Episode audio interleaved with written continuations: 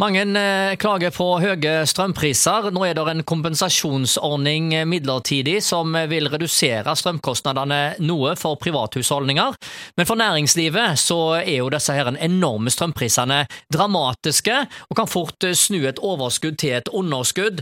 Dette kan føre til at arbeidsplasser går tapt. Spesielt så vil det jo òg ramme industri og industrietableringer. Ja, timeglasset begynner regelrett å renne ut. Terje Halleland, energipolitisk talsmann i Frp. Ja, han gjør det. Og, og det er klart eh, Norge har hatt en troverdighet til å være en nasjon der du har hatt tilgang til eh, rikelig med kraft og til rimelig fornybar kraft.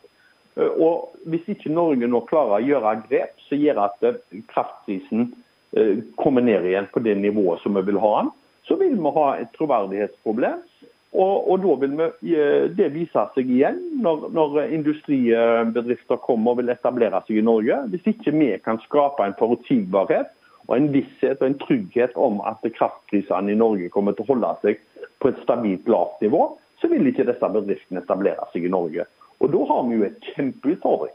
Ja, det er det jeg sier. Sånn at det her eh, begynner liksom sand å renne ut av timeglasset. En må foreta seg et eller annet. Én eh, ting er hvilke perspektiver en har på dette i forhold til effekten av midlertidige tiltak, men en må finne òg bedre permanente løsninger eh, som blir mer langsiktige. For det er jo de langsiktige og lange linjene som eh, er avgjørende når en skal gjøre store investeringer. Ja da, absolutt.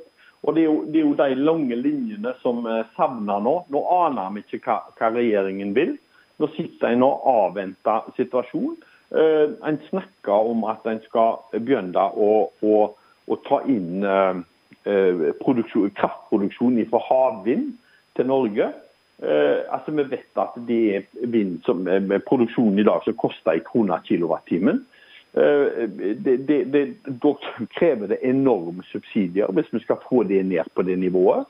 Enten det, eller så har regjeringen akseptert at vi skal ha disse høye prisene.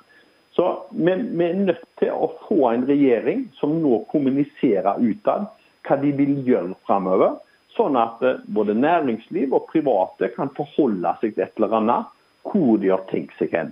Ja, Når vi ser på meningsmålingene om dagen, eh, når du er inne på det. altså, Nå har jo regjeringspartiene blitt straffa så det holder de siste månedene. Spesielt de siste ukene på de siste målingene så er det jo katastrofetall for eh, regjeringen og deres eh, partnere. Og det har vel mye med sendrektigheten og mangelen og vilje på å gjøre noe i denne situasjonen som veldig mange vanlige folk føler er svært krevende å forholde seg til.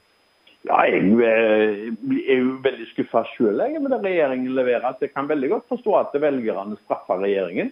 For her har du fått et eh, inntrykk av at uh, regjeringen skulle komme inn og, og, og, og ta den vanlige mann på alvor. Og så har egentlig akkurat det motsatte skjedd. Det at en er altså overhodet ikke blitt tatt på alvor. Prisene øker uten at det er vilje fra regjeringen i det hele tatt til å være med og kompensere, til å være med og tilrettelegge for å både eh, sikre kjøpekraften for folk, sikre arbeidsplasser for folk. Uh, og Når de da heller ikke klarer å kommunisere utad hvordan de har tenkt å gjøre dette framover, ja, så er det klart at da ønsker folk egentlig å skifte ut hele regjeringen. Så vi har vel aldri sett maken til fall på meningsmålinger og popularitet av en regjering tidligere.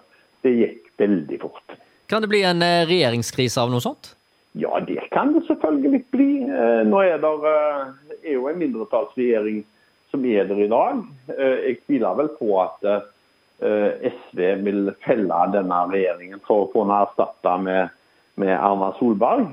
Så Sånn sett så sitter gjerne regjeringen trygt. Men det er klart at det betyr igjen at det er SV som kommer til å prege politikken framover. Og dessverre så tror jeg ikke det kommer til å gjøre eh, rammebetingelsene for næringslivet i Norge bedre.